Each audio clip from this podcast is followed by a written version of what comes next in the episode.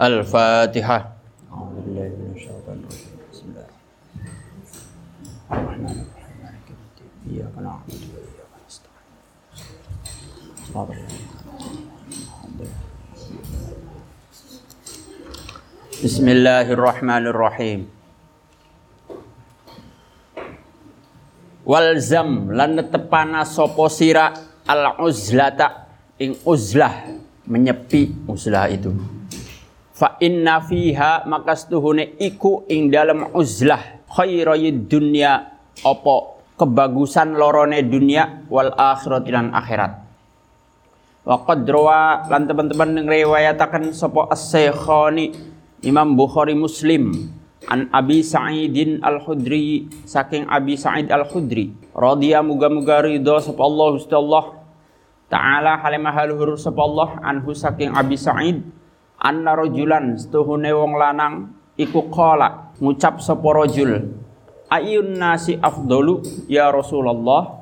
Ayun nasi utawi endine menusa iku afdalu luwi utama. Ya Rasulullah he utusan Allah.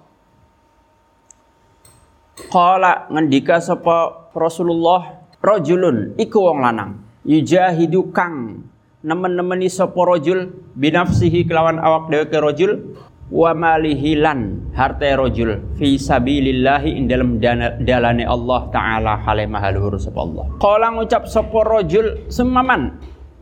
Maka kari-kari sinten? Qala ngendika sapa kanjeng Nabi rajulun iku wong lanang ya tazilu kang uzlah menyepi sapa rajul fi syu'abin. Fi syi'bin ing dalam dalan dalan ing dalam gunung ya lembah. Minasyi'abi saking pira-pira dalan ya budu kang nyembah sapa rajul rabbahu ing pangerane rajul ada seorang laki-laki bertanya kepada Rasulullah wahai Rasulullah manusia siapa yang paling utama itu yang paling baik Nabi menjawab yaitu laki-laki yang berjihad dengan jirinya, dengan jiwanya dan dengan hartanya. Berjihad di jalan Allah. Lalu siapa lagi ya Rasul? Rasul menjawab, laki-laki yang uzlah, menyepi di lembah-lembah gunung, menghindari keramaian banyak orang untuk menyepi menyendiri supaya bisa fokus beribadah pada Allah tanpa ada gangguan. Kira-kira seperti itu uzlah. Ini salah satu cara yang dilakukan oleh para wali dalam mencapai menuju ke Allah. Mereka menempuh jalan dengan cara uzlah, menyepi, menghindari keramaian orang sehingga mereka pergi ke hutan, ke bukit-bukit, ke gua-gua untuk tinggal sendiri dan dengan begitu mereka bisa lebih tenang dalam beribadah pada Allah. Wa kanalan ana sapa asirri Syekh Asirri Sakti rahimahu. Muga-muga melasi ing asirri sapa Allah Gusti taala halimah haluhur sapa Allah. Iku yaqulu ngendika sapa asirri Man utawi sapane wong iku aroda ngarepaken sapa man ayyas lama ingin ta selamat lahu kadue man opo dinuhu agama man? Wa tari halan yen ta istirahat opo badanuhu badane man? Wa yaqilla lan stitik opo ghammuhu sedih man susahe man fal tazil maka becik. Uzlah sopo man annasa ing menusa. Wa yu'ayyiduhu lan nguwataken ing qaulus sirri opo hadisu layak tianna ala nasi ila akhir. Hadis layak tianna ala nasi. Layak tianna yakti bakal teka temen. Alan nasi ing atase menusa opo zamanun mangsa layas selamu kang ora selamat opo zaman lidhi dinin? Eh layas selamu kang ora selamat lidhi dinin kadue wong kang duweni agama opo dinuhu agamae? Zi dinin. Ilaman angin wong farrok kang Melayu sopeman bidinihi kelawan agame man min koryatin saking desa siji ila qaryatin maring desa kang lian wa min syahiqin lan saking dalan kang dhuwur ila syahiqin maring dalan kang dhuwur jalan yang di atas bukit syahik. Wa min hijrin lan saking goa ila hijrin maring goa liane kasak labi kaya musang alladzi yaruhu kang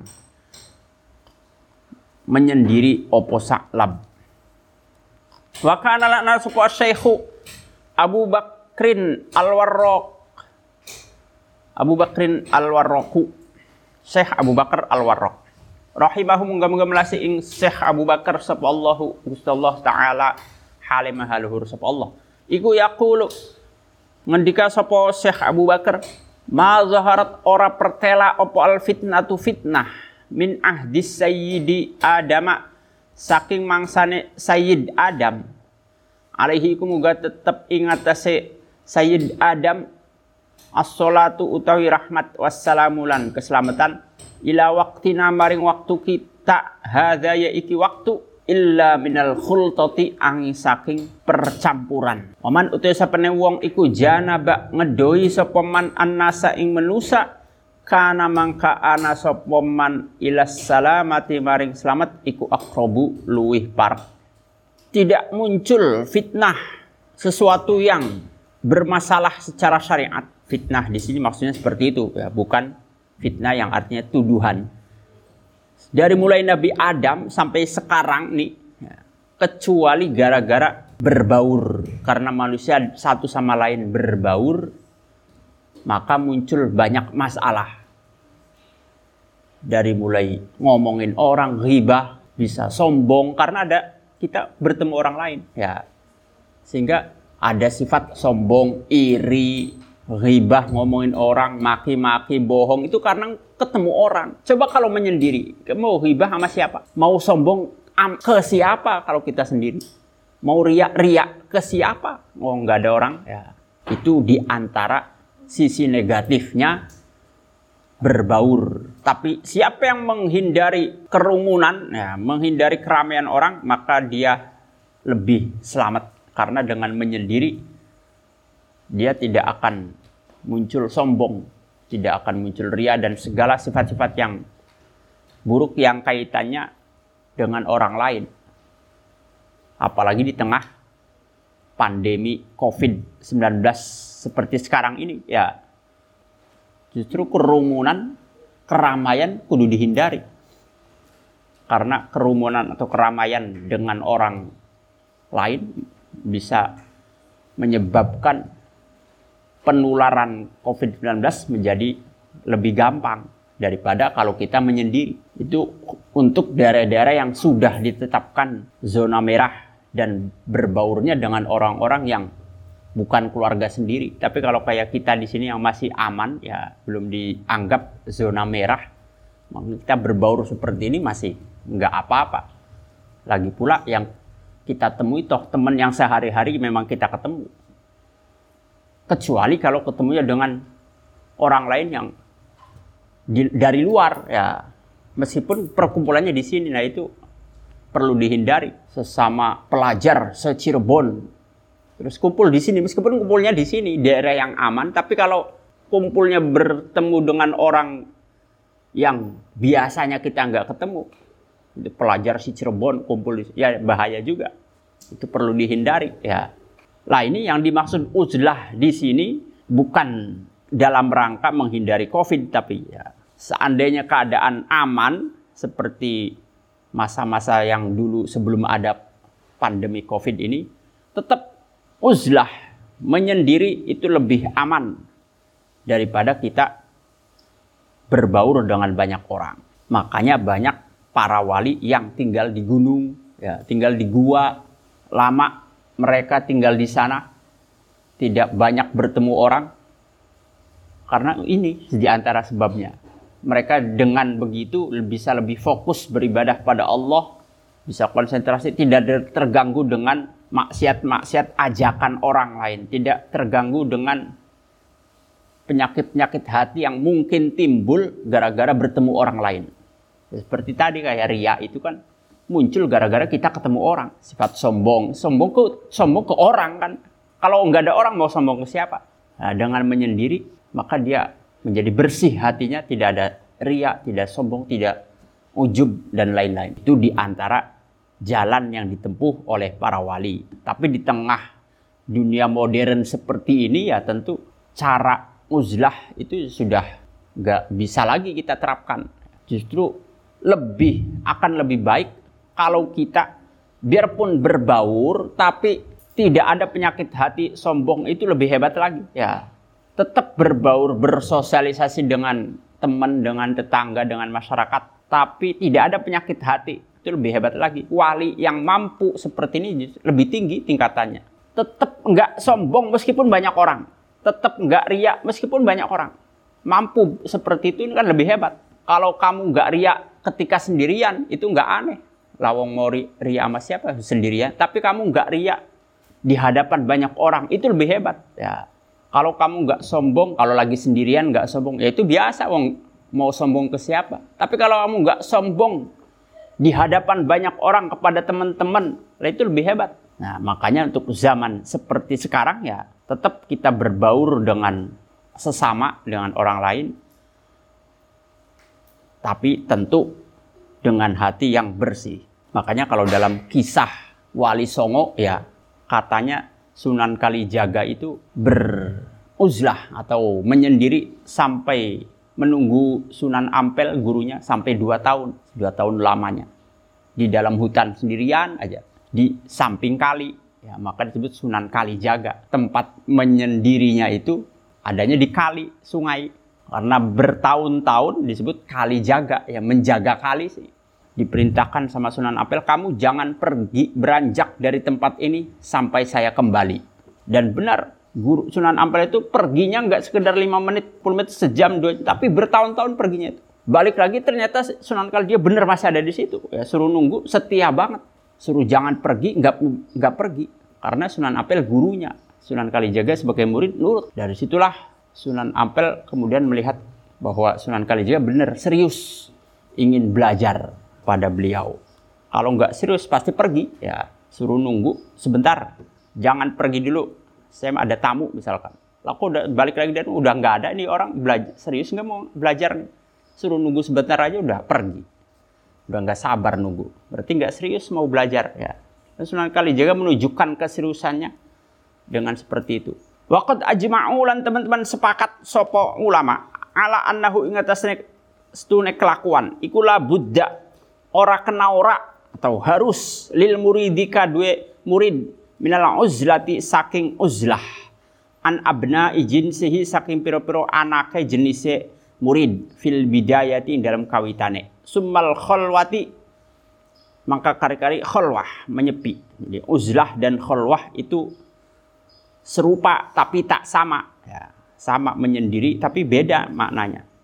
Fin nihayatin katoge. Wa kana lana sapa sidi bendara kita bendara isun as Muhammadun. Al-Muniru Syekh Muhammad Al-Munir rahimahum gam-gam ing sidi. Sapa Allah Gusti Allah taala halimah lur sapa Allah. Iku yaqulu ngendika sapa Sidi Muhammad Al Munir qad ghalata teman-teman salah sapa qaumun kaum fadhannu maka padanya na sapa kaum annaman ing stune wong. Tazala kang uzlah sapa man annasa ing manusa iku kharaja. Metu sapa man an kaunil mukmini saking anane wong mukmin. Alifun wong kang akrab maklufun tur diakrabi. Wal halatu utawi tingkah iku annaha setuhune uzlah iku aula luwi utama bimaqamil ulfati kelawan makome keakraban. Li annahu karena setuhune man iku idza tazala nalikane atau murid iku idza tazala nalikane uzlah sapa murid annasa ing manusa sofat sofat mangka bersih opo nafsuhu atie murid. Wastaqat lan bronto kangen sapa nasu menusa ila ru'yatihi maring ningali murid. Fa alquhu mangka eh fa mangka pada ngakrabi sopo. Anas ing murid aksaro kelawan luwi akeh minal mukhaliti tenimbang wong kang nyampuri. Wa aslul iktilafi tewe asale keakraban iku innama huwa ang pestin utawi aslul iktilaf iku birruhi kelawan roh li hadisil arwahi junudun. Al arwahu li hadisil arwahu junudun ila akhir Al arwahu utawi piro-piro ruh iku junudun piro-piro tentara mujannadatun kang dikumpulaken atau yang dikerahkan.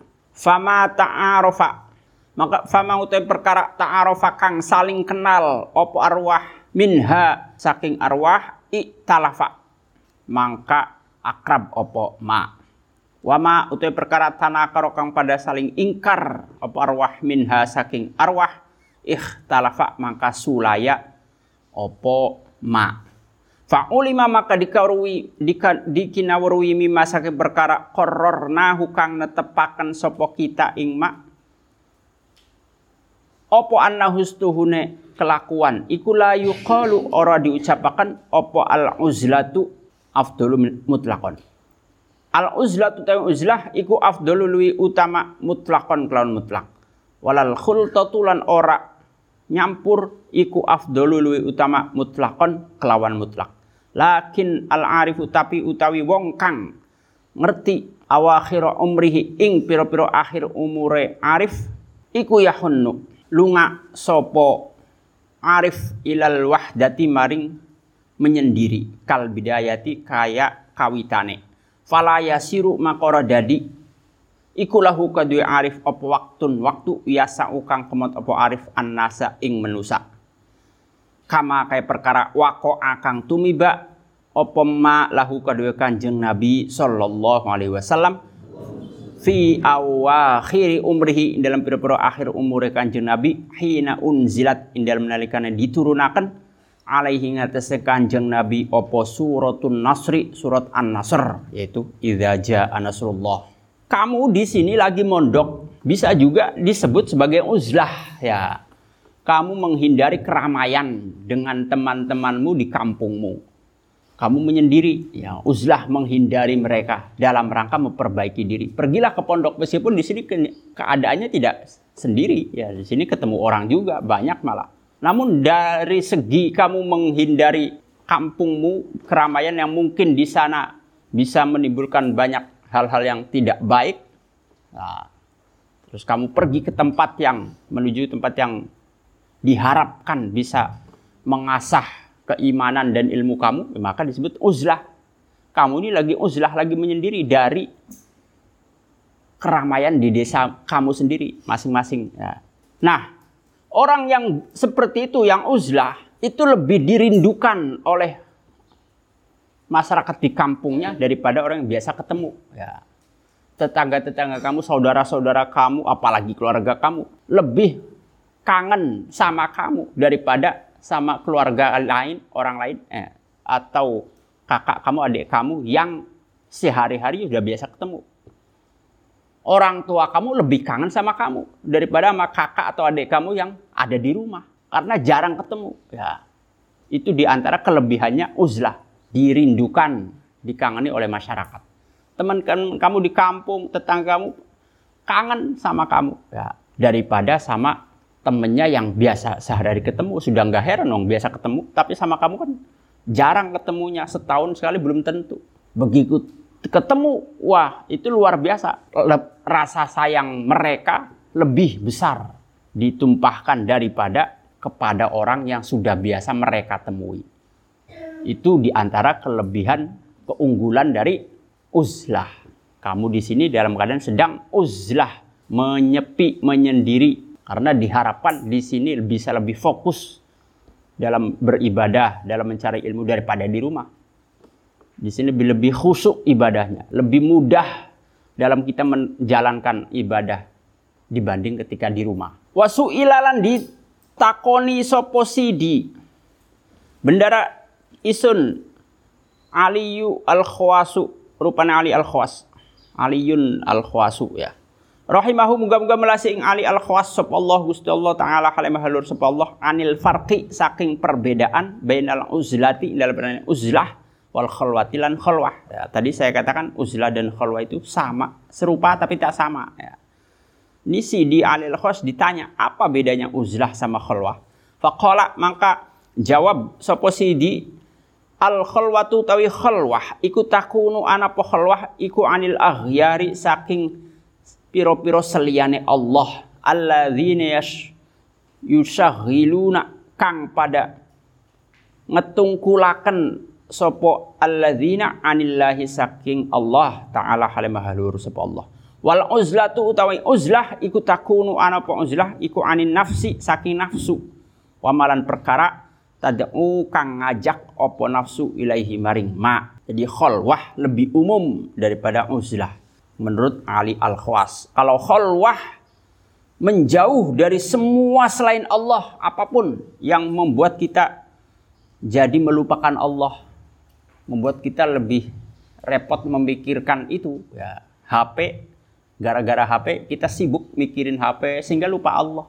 Kita harus lepaskan HP itu namanya khalwah apa yang membuat kita sibuk dengan sesuatu yang pokoknya selain Allah apa pun itu ya itu tinggalkan lah itu namanya khalwah tapi kalau uzlah meninggalkan nafsu dan ajakannya.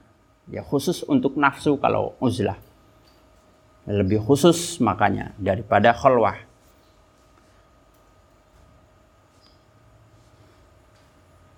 Wa yufraqulan dibedakan aidun halemaning. Opo bi annal uzlata kalan setunya uzlah iku laisa ora anak iku min lawazimi hasang pira ketetepane uzlah opal istighalu ketungkul billahi kelawan Allah taala halimah halur Allah bi khilafil khalwati kelawan bedani khalwah fa'lam maka baruwa sapa sira zalika imkono kono al farqu ya akhi he sedulur lanang isun terus kalau uzlah hasilnya tidak selalu kemudian akan menjadi fokus pada Allah. Tapi kalau khalwah pasti karena semua selain Allah ditinggal akhirnya dia fokus pada Allah. Tapi kalau uzlah belum tentu. Ya meskipun dia tinggalin nafsu belum tentu. Setelah meninggalkan nafsu terus menuju ke Allah. Ya hasilnya tidak selalu menuju pada Allah kalau uzlah. Kalau khulwah pasti hasilnya akan pergi ke Allah.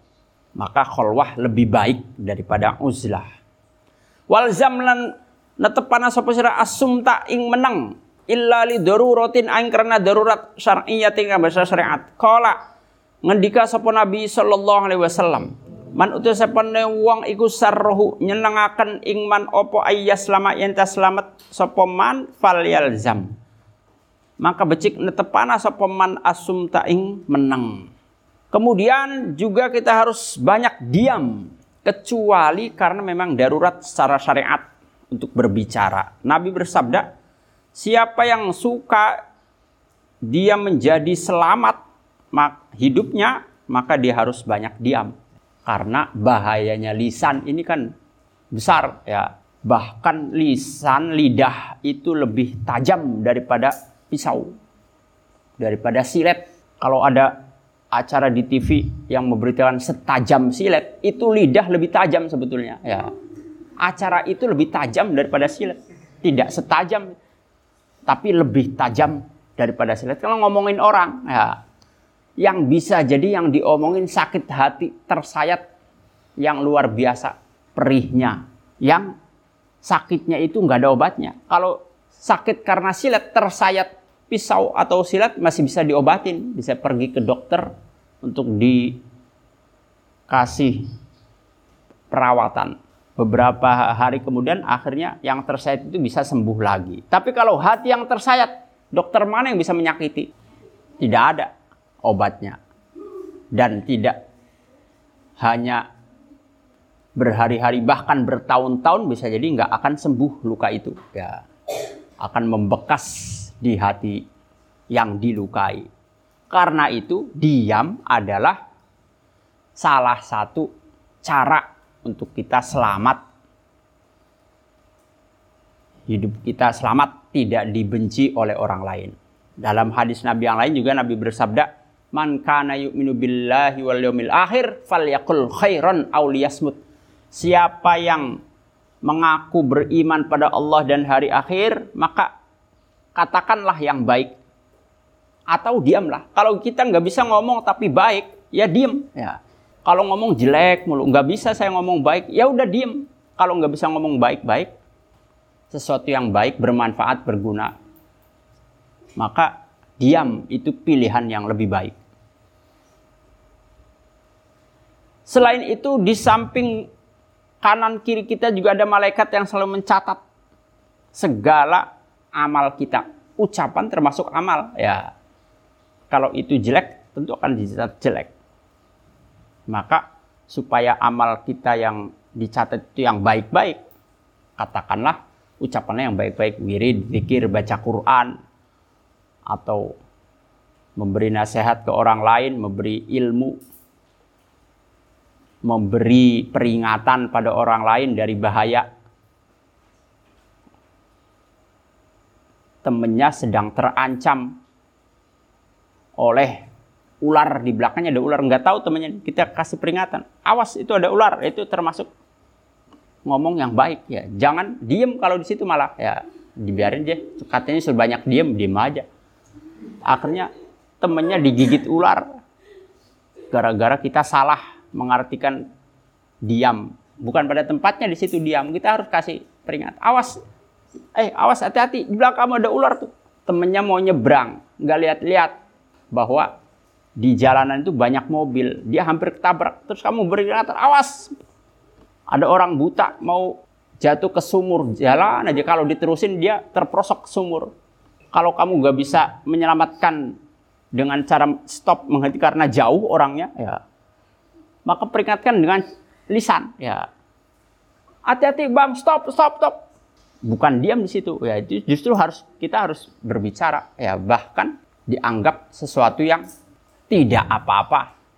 Ngomong yang tidak membatalkan sholat kalau memang itu dianggap perlu. Kalaupun sholatnya batal, ya tetap nggak dosa. Wong ngomongnya ini juga sama penting. Ya. Jadi lihat-lihat situasinya. Wakana lana sepuluh ustazu al kusairi Ustaz al kusairi rahimahum gam-gam melasi ing. Ustaz Kusairi sepallah Gusti Allah taala halimah sepallah. Iku yakulu ngendika sapa Ustaz Kusyairi innama asarul qa innama asaro ang pestine dinginaken sapa kaum kaum as-sukuta ing meneng. Iku lima eh lima karena perkara. Alimu kang pada ngerti sapa kaum annal kalama ing ngomong iku minal afati saking pira-pira bahaya. Summa lima maka kari karena perkara fihi kang ing dalam ma min hadzin nafsi saking bagiane nafsu wa idhari sifatil madhi lan mertelakan pira-pira sifat dipuji. Wal maili lan condong ilaman maring wong yumayyizu kang bedakan sapa sapa man an askalihi saking pira-pira bentuke kalam bi husnin nutqi kelawan bagusnya ngomong. Wa ghairi hadza lan liyane ikilah hadzin nafsi min afatil kalami saking piro-piro bahayae ngomong. Wa kana lan sapa Abu Bakrin Syekh Abu Bakar Ibnu Ayyashin dari putrane Ayyash rahimahu muga-muga melasi ing Syekh Abu Bakar. Sapa Allah Gusti Allah taala halimah haluhur sapa Allah. Iku yaqulu ngendika sapa Syekh Abu Bakar kasratul kalami utawi akeh ngomong iku tunasyifu nyerep opo kasratul kalam? Al hasanati ing piro-piro kebagusan. Kama tunasifu kaya oliye nyerep opo al ardu bumi bu dalma ing adoe banyu. Wa kana lan ana sapa al fudailu Syekh Fudail bin Iyad rahimahum gam gam lasi ing Fudail rah sapa Allah Gusti Allah taala halimah haluhur sapa Allah iku yaqulu. Ngendika sapa al Fudail man utawi sapane wong iku ada milang-milang sapa man kalamahu ing kalame man min amalihi saking amale man qalla mangka setitik opo kalamuhu kalame man. Wa ma wa rasulan ora pada maris sapa ulama al hikmata ing hikmah illa bisumti angin kelawan menang wa tafakkuri lan mikir wal wara'i lan wirai fin nutqi ing dalam ngucap asyaddu eh wal wara'u ya wal wara'u utawi wirai fin nutqi dalam ucap iku asyaddu luwih banget min hutni bang wara' fil luqmati in dalam pulukan sesuap makanan wasiyabi lan piro-piro pakaian. Syekh Abu Bakar bin Ayas berkata, banyak ngomong, banyak bicara itu bisa menghisap kebaikan kita. Artinya menghapus maksudnya. Seperti tanah yang bisa menyerap, menghisap air. Tanah yang air yang banyak aja, air hujan banyak tuh masuk semua ke tanah, keserap. Ya, hilang air di atas permukaan tanah. Diserap oleh tanah. Kebaikan kita kalau meskipun banyak ya hilang begitu aja kalau kita banyak ngomong ya. Sedangkan Syekh Hudil bin Iyad berkata, siapa yang menganggap bahwa ngomongnya itu termasuk amal, kan berbicara itu termasuk amal, termasuk yang dicatat, maka dia akan menyedikitkan bicara. Karena sadar, ini ke amal omongan saya, ucapan saya ini bakal dicatat oleh malaikat. Wah, kalau saya ngomong jelek, nanti dicatat malaikat jadi sebagai dosa. Catatan yang jelek, yang buruk. Karena dia yakin ucapannya bakal dicatat malaikat, akhirnya sedikit ngomong. Ya, takut sih, takut salah ngomong terus dicatat sebagai kejelekan. Maka dia akan sedikit berbicara. Menjaga diri dari berbicara itu lebih berat daripada menjaga diri dari makanan haram. Ya. Lebih berat ngindarin ngomong yang haram daripada ngindarin makan yang haram atau pakaian yang haram. Waqad ajma'ulan teman-teman pada sepakat sepuh ulama ala annal anwaro ingat sestune pira-pira cahaya ar-rabbaniyata kang bangsa pangeran iku takhruju metu apa anwar min qalbil muridi saking ati murid. Idza takallama nalikane ngomong sapa an op sapa murid bilahwin kelawan nganggur. Wa yasiru lan dadi apa qalbuhu ati murid iku mazlaman. Peteng wa annahu lan setune murid iku matan hadama. Sumangsane rubuh apa ruknun? Rukun min arkani toriki saking perpero rukune dalan tabi'ahu mangka anut ing rukun apa albaqi liyane. Wa zakarulan pada nutur sapa ulama anna mu'zamal arkanis tuhune agunge piro-piro rukun iku arbaatun papat. Alju rupane ngelih kempong. Wasaharulan melek bengi. Wala uzlatu lan uzlah menyepi. Wasumtulan menang.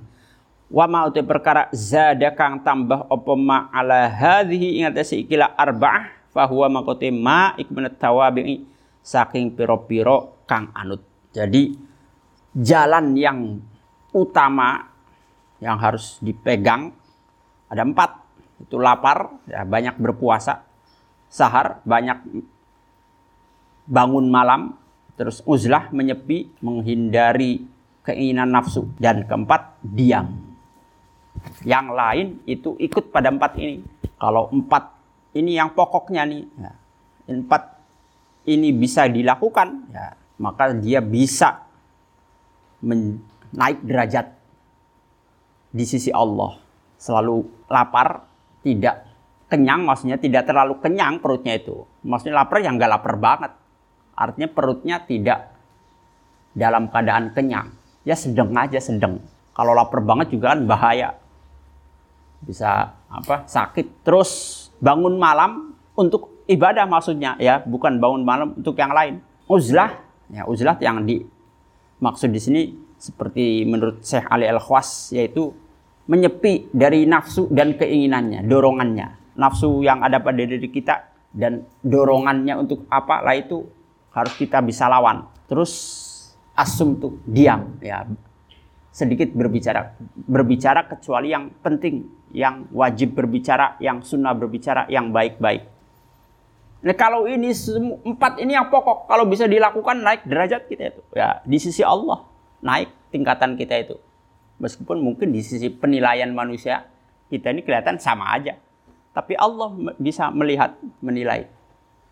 Makanya wali Allah, kekasih Allah itu dirahasiakan. Kita nggak tahu siapa kekasih Allah karena yang tahu Allah. Boleh jadi bisa jadi di sini ada salah satu dari wali Allah karena dia sudah melakukan ini. Bisa jadi naik derajat di sisi Allah. Meskipun dianggap sama teman-temannya sih biasa. Ya, di sisi Allah dia posisinya tinggi karena perut tidak pernah terlalu kenyang. Dia sering bangun malam, yang kita nggak tahu, kita kitanya lagi tidur, ya dan dia bangun malam untuk ibadah. Keinginan nafsunya juga bisa dia lawan. Ya, dia juga sedikit berbicara bukan karena nggak bisa ngomong, tapi bukan karena watak. Kadang-kadang orang sedikit bicara karena watak, bawaan lahir. Ya, Emang orangnya itu jarang ngomong dari lahir.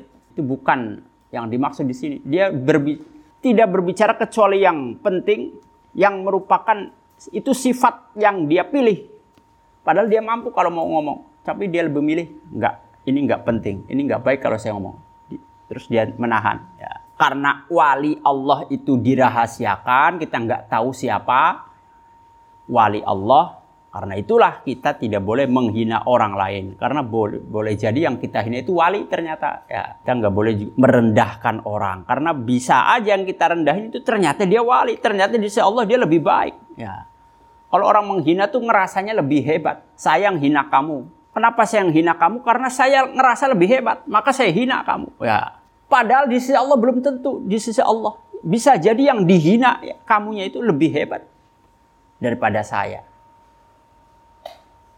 Jadi nge orang ngejek orang lain itu pasti karena dia yang ngejek ngerasanya lebih hebat. Berarti ada sombongnya juga orang ngejek tuh. Wong ngerasa lebih hebat daripada yang diejek. Padahal di sisi Allah belum tentu. Malah bisa jadi yang diejek ini wali. Udah tinggi banget posnya jauh daripada yang ngejeknya. Nah, karena itu diam adalah cara yang paling aman ya selamat. Fa'an wa an sadulan pada nembangaken sopo ulama Baitul wilayati kusimat arkanuhu sadatuna fihi minal abdali ma baina somtin wa i'tizalin daima wal ju'u sahrul nazihul ghali Baitul wilayati utawi umah kewalian iku kusimat dibagi opo bait eh iku kusimat dibagi opo arkanuhu pira-pira rukune baitul wilayah. Sadatuna utawi pira-pira pemimpin kita fihi dalam bait eh iku fihi dalam bait. Minal abdali baina saking pira-pira wali bad abdal. Ma baina sumtin ma utawi perkara baina sumtin ing dalam antarane meneng wakti zalin lan uzlah daiman ing dalam selawase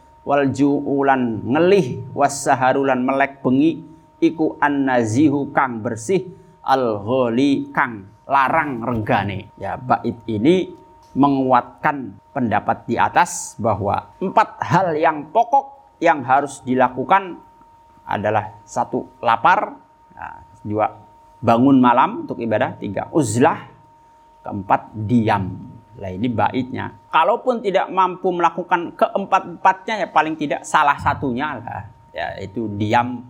Apa yang membuat kita paling mudah menurut kita. Kalau diam itu lebih mudah, maka lakukan. Kalau menahan nafsu lebih mudah, ya itu lakukan. Nah, kalau santri mungkin lapar lebih gampang. Karena stok makanan terbatas. Apalagi kiriman orang tua juga tidak banyak. Sepertinya lapar paling yang maksud di lapar di sini bukan lapar banget tapi ya maksudnya nggak kenyang perutnya sedang aja sedang kayak kamu makan tadi jam 3 sekarang kan belum lapar. Kecuali nanti jam 9 itu sudah mulai lapar namanya. Ya, kalau sekarang sih belum lapar. Tapi nggak kenyang juga sekarang. Ya sedang. Keadaan sedang. Fa'lam maka warwa sapa zalika ing mengkono-mengkono mu'zamul arkan ya akhi he sedulur lanang isun. Wala tatruk wallahu a'lam biswab. Wassalamualaikum warahmatullahi wabarakatuh.